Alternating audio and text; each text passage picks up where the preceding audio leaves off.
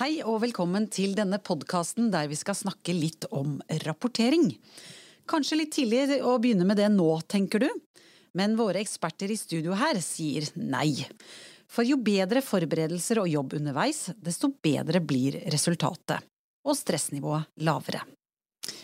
Målet for denne podkasten er at du skal sitte igjen med en del gode argumenter for å forberede organisasjonen din, og sette i gang arbeidet med års- og bærekraftsrapporteringen tidligere. Du får også med deg et par tips og triks som kan være nyttige. Jeg heter Mette Fossum og er programleder i dag. Jeg har med meg partner og seniorrådgiver i First House, Elise Heidenreich, og Kaja Østby Andresen, spesialrådgiver bærekraft tilknyttet oss i Sustainability.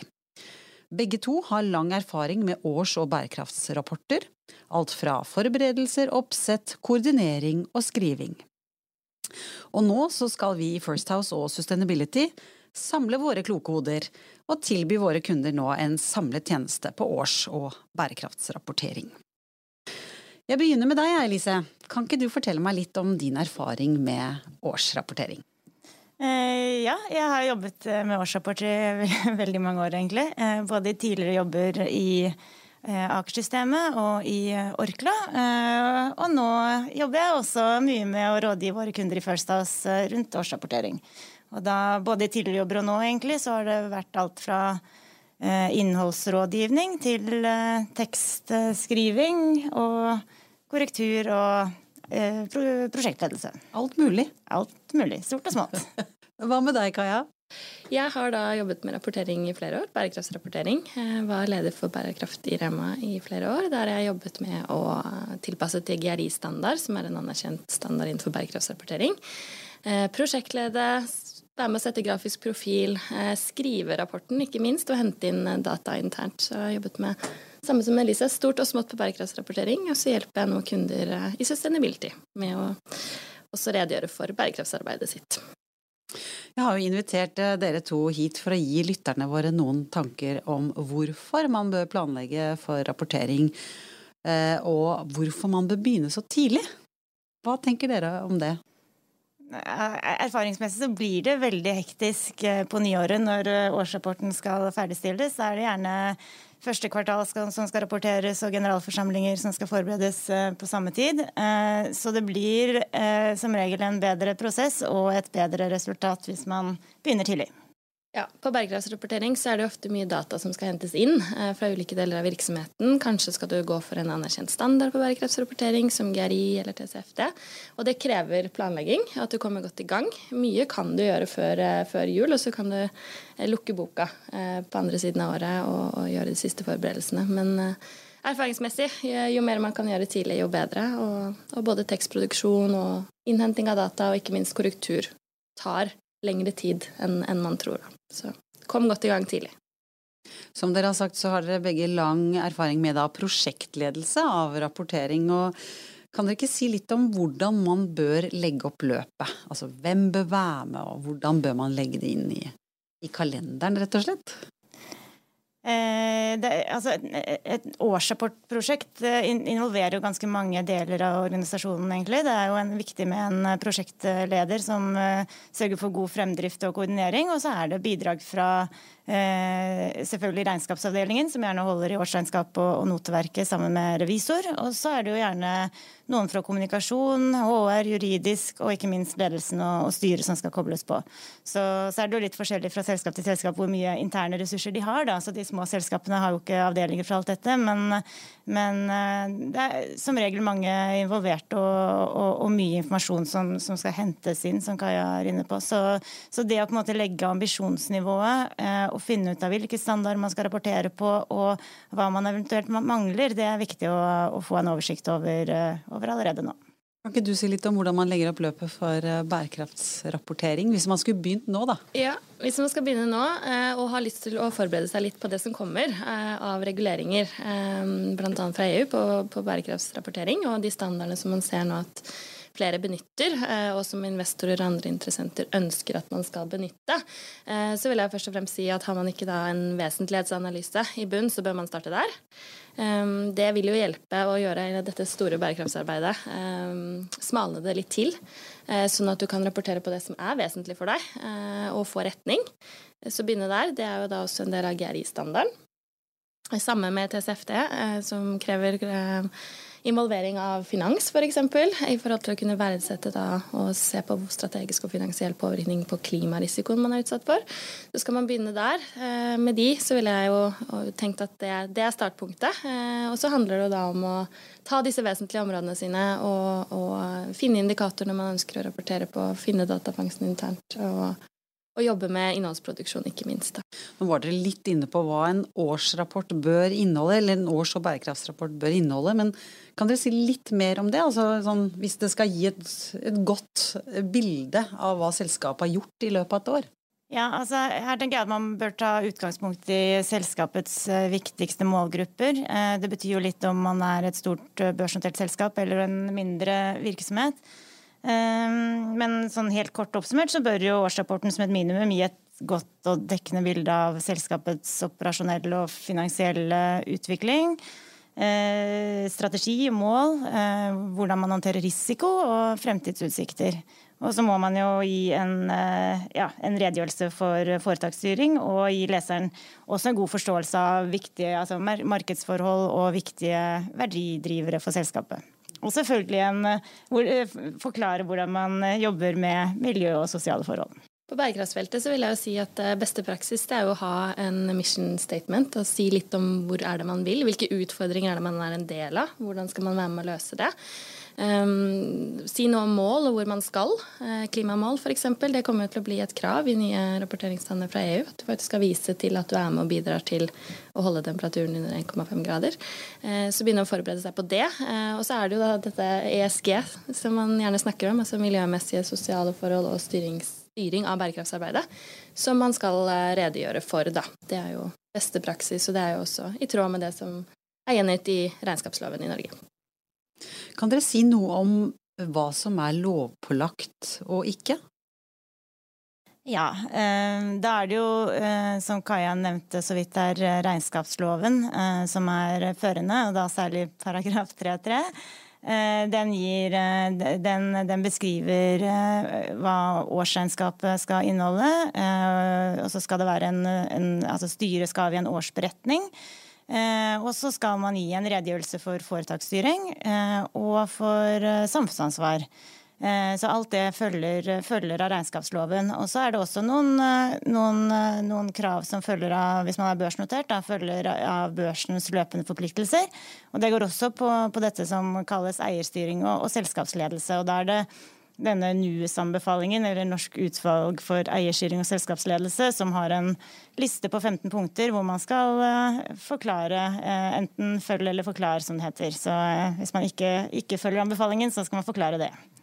Og Der er det også, sånn, der er det også ganske noen enkle grep man kan gjøre da allerede i inneværende år da, for å sørge for at man er, eh, følger stort sett den anbefalingen. Da. Eh, og Det er jo typiske ting man bør titte på nå da, og sette seg litt inn i, i de føringene den, den anbefalingen gir. Da.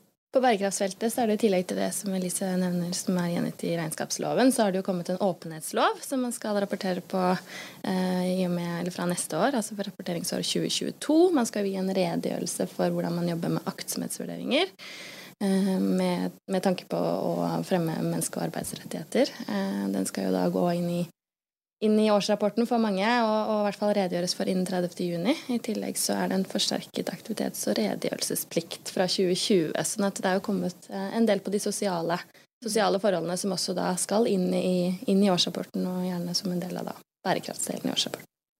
Ja, og Kaja, du har vært litt inne på det, men det, det er jo også en del standarder flere og flere legger seg på når det gjelder bærekraftsrapporteringer. Hvilke standarder ville du anbefalt å jobbe etter? Ja, eh, Hvis vi skal ta utgangspunkt i si, det som kommer fra EU, da, et nytt, eh, nytt eh, direktiv for ikke-finansiell rapportering, eh, som finnes i dag, men som vil bli forsterket, så tenker jeg at eh, per nå så er da GRI, eh, som omhandler hvordan selskapet påvirker samfunnet, og en standard som veldig mange bruker, mest brukt i verden, også mange norske selskaper. Bunner i en vesentlighetsanalyse, og så jobber du da med de vesentlige områdene dine og rapporterer på det. I tillegg så vil jeg også si at TCFD, som da er klimarisiko, som er hvordan påvirker disse endringene i samfunnet virksomheten. Det er en god kombinasjon, de to, og det vil jo da ivareta den dobbeltvesentligheten som, som disse fremtidige rapporteringskravene også vil legge til grunn. Eh, så da har du kommet, eh, kommet, et godt stykke på vei. Eh, og har man lyst til å gå på disse standardene, så bør man komme godt i gang, så når man får gjort, får gjort mye før års, årsslutt. Når, altså når, vi ser på en del selskapers Særlig nå er jeg på bærekraftsrapporteringer, da, men sammenlignet med selve årsrapportsdelen, så ser vi jo at ESG-delen e har en tendens til å ese ut Eh, altså selve bærekraftsrapporten blir større enn årsrapporten. Eh, hva tenker dere om det? Jeg tror kanskje mange selskaper sliter litt med å, å, å finne frem i den jungelen av måte, anbefalinger og, og, krav for rapportering innenfor bærekraft, så er de veldig redde for å ikke rapportere nok. Da. Så de, de, de lesser liksom på med mer og mer informasjon for å fortelle om alt det, alt det bra de gjør uh, innenfor bærekraft. Uh, og det kan kanskje, kanskje ta litt overhånd. Uh, mens årsrapporten, der har de kanskje mer rutine på, på hva, som skal, hva, som skal, beskrives. så litt av utfordringen er kanskje å på en måte tørre å ta noen valg da, og prioritere. og være være konkret da, i det man kommuniserer rundt, eh, også rundt eh, bærekraft. Ja, jeg tror her så, så, er det som Elise sier, at de standardene for, eh, for, årsrapportering og regnskap de er ganske lagt. De har vi jobbet etter i mange år. På bærekraft så er, det, er vi midt oppi det å finne de standardene vi skal følge. Eh, og det gjør nok, eh, gjør nok, at det kan bli mye informasjon, og man har lyst til å fortelle om alt det bra man gjør, både til investorer, kunder og andre. Um, man kan jo også tenke at i årsrapporten så skal man redegjøre og gi et godt bilde, og det er jo det som er formålet med årsrapporten, er jo å gi et godt bilde av virksomheten og hvor man står og utviklingen man har har. Eh, og så har man jo også andre kanaler. Man kan snakke om, eh, om bærekraftsarbeidet f.eks.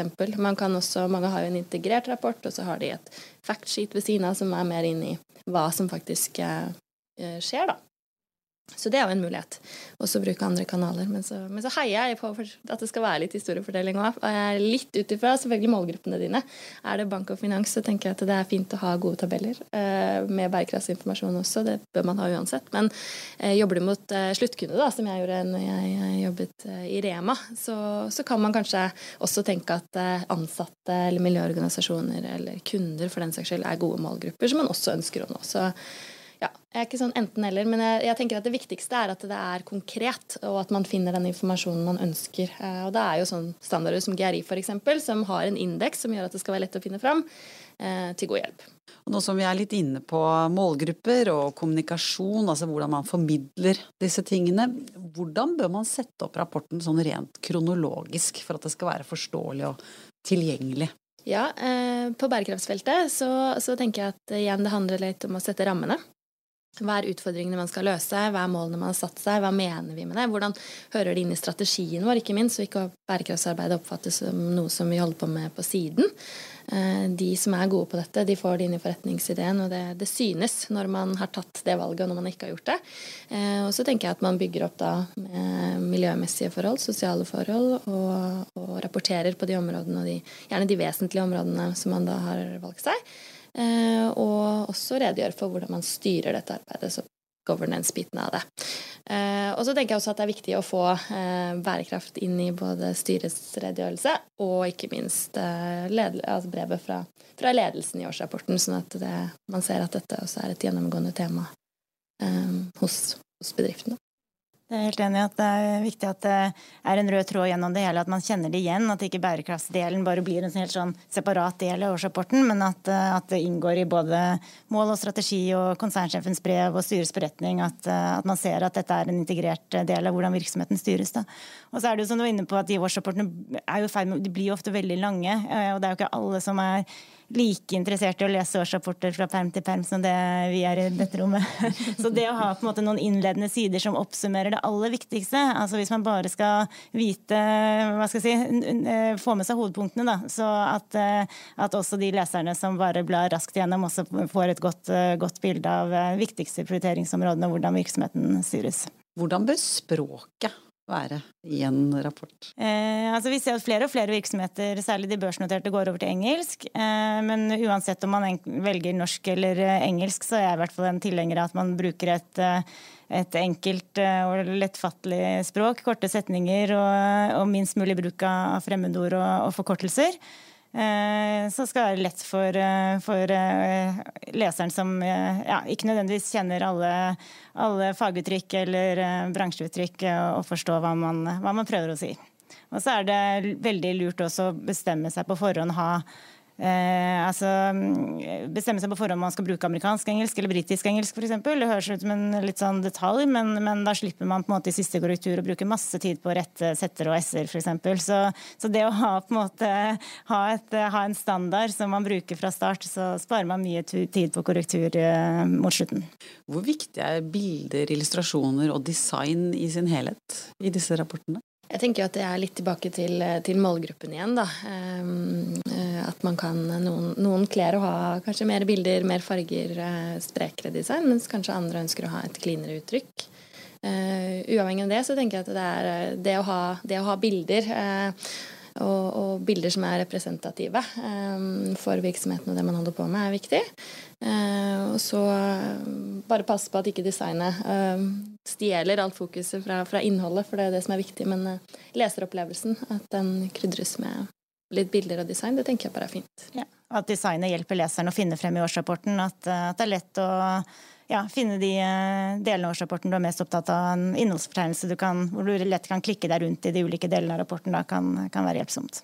Nå har vi gått gjennom litt innhold og kronologi og hvordan man jobber med ting, litt kommunikasjon. Men hva er deres erfaring med tidsbruk når det gjelder liksom Man begynner arbeidet med en årsrapport, bærekraftsrapport, og så til ferdig resultat? Så jeg vet ikke, jeg er nok en tidsoptimist, men jeg kan i hvert fall si at det tar lengre tid enn man tror.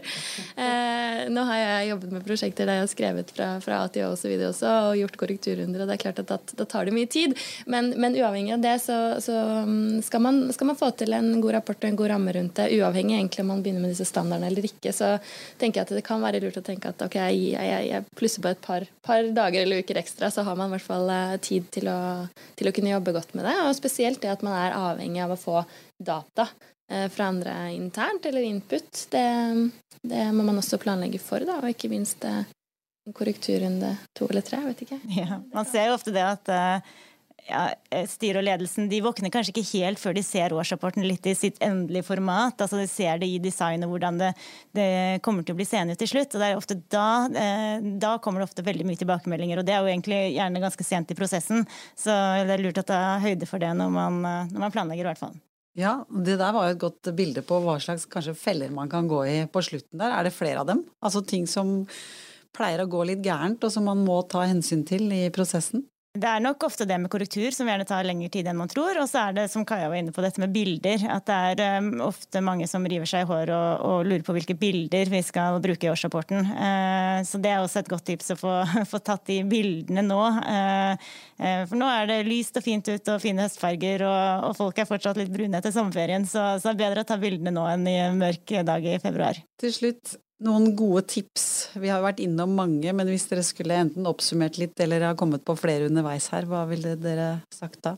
Eh, på bærekraftsfeltet så, så, tenker jeg at et tips er jo å, å, se litt fremover og se at det kommer, det kommer reguleringer og, og, ting og tang som man kommer til å måtte forholde seg til. Vi ser det allerede med åpenhetsloven og taksonomien osv. Så, videre. så det å, hvis man ikke har jobbet med vesentlighetsanalyse eller klimarisiko, så, så begynne å jobbe med det.